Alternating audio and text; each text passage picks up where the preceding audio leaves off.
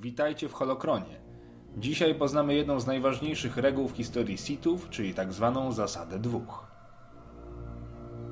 Po raz pierwszy o tej tajemniczej zależności możecie usłyszeć z ust mistrza zakonu Jedi Jody. Podczas pogrzebu Queen Gonjina mistrz mówi: Dwóch zawsze ich jest. Nie mniej, nie więcej, mistrz i uczeń. W ten oto sposób dowiadujemy się, że Sithowie kierują się dziwną zasadą, jakoby w galaktyce istnieć mogło jedynie dwóch akolitów tej pradawnej religii. Żeby jednak poznać jej źródło, musimy się nieco cofnąć w czasie. A dokładniej tysiąc lat przed wojnami klonów. To właśnie wtedy na planecie Rusan dochodzi do olbrzymiego starcia Sithów z rycerzami zakonu Jedi. Mimo ogromnych strat po stronie Jedi, siły zakonu ostatecznie pokonują wroga, doszczętnie go wyniszczając. Pomogła im w tym pewna intryga, którą wróg uknął przeciwko samemu sobie. To jednak zostawiam wam do odkrycia w książkach. Z bitwy ocalał tylko jeden wojownik Bane. I to właśnie w umyśle późniejszego ciemnego lorda Sithów narodziła się myśl, a raczej idea, która kiełkowała przez kolejne milenium i którą kierowali najwięksi spośród użytkowników ciemnej sceny mocy i tych, którzy starali się zagłębić tajemnice pradawnej rasy i jej magii. Imperium Sithów miało wielu wrogów. Głównym był oczywiście zakon Jedi, jednak największym byli Sithowie sami dla siebie.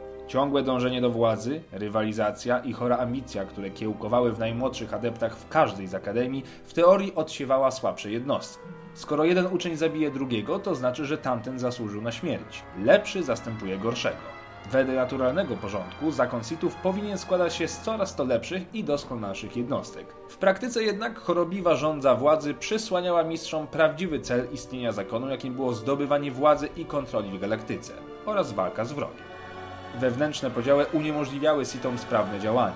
Zdrada czaiła się na każdym kroku.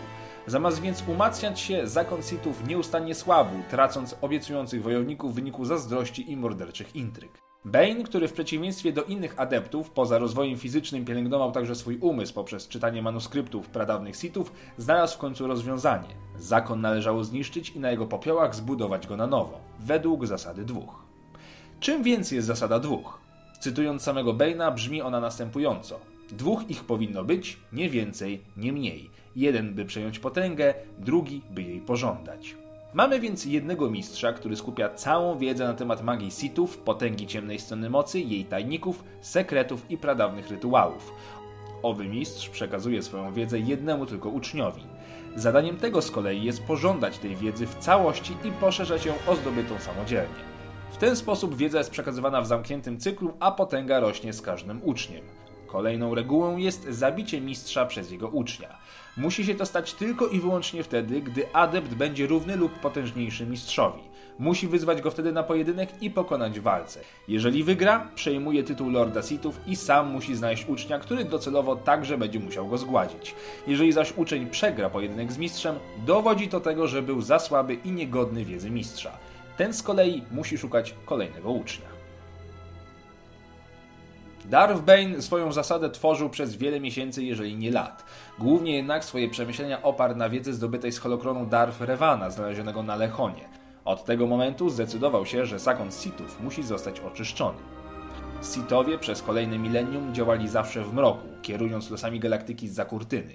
Zbierali ogromne środki, tkali sieć kontaktów i oplątywali swoimi mackami tysiące planet w jednym tylko celu zemsta na zakonie Jedi.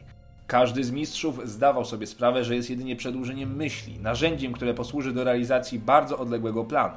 Planu, który wypełnił w końcu Darth Sidious. Po jego śmierci jednak zasada dwóch wciąż funkcjonowała i przerwał ją dopiero Darth Krayt, niedługo po zakończeniu inwazji Yuzan Wongów. To już jednak historia, którą poznać musicie sami. Choć zasada dwóch wydaje się być świętym prawem Sithów, była nierzadko łamana i to już u jej źródeł. Zana, uczennica Bane'a, na krótko wzięła pod swe skrzydła ucznia i zaczęła go szkolić. Plan ten ostatecznie okazał się porażką, zrobiła to jednak wbrew zasadzie swego mistrza. W losach Sithów takich przypadków było kilka. Lord Vader, będący uczniem Palpatina, w tajemnicy przed swym mistrzem szkolił Galena Mareka, by wraz z jego pomocą obalić imperatora. Gdy ten plan zawiódł, postanowił przeciągnąć na swoją stronę własnego syna i ponownie spróbować przejąć tytuł swojego mistrza. Jak więc widać, zasada dwóch, choć rozsądna i skuteczna, nie zawsze była roztropnie stosowana.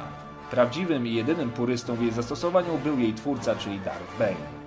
Na koniec pewna ciekawostka, raczej zagwostka, którą ma część z Was. Czy Lord Vader otrzymał faktycznie tytuł mistrza i był prawdziwym Lordem Sithów w myśl zasady dwóch?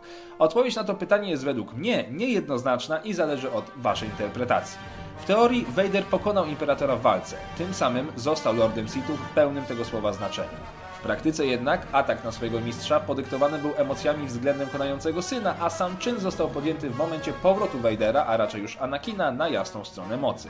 Odrzucając praktyki ciemnej strony mocy i nawracając się na światło, Anakin wyrzekł się wszystkiego, co związanego z Sithami, w tym zasady dwóch. Czy więc był mistrzem, czy nie, na to musicie odpowiedzieć sobie już sami. Pamiętajcie, że już niebawem ukażą się kolejne odcinki, dlatego koniecznie subskrybujcie kanał.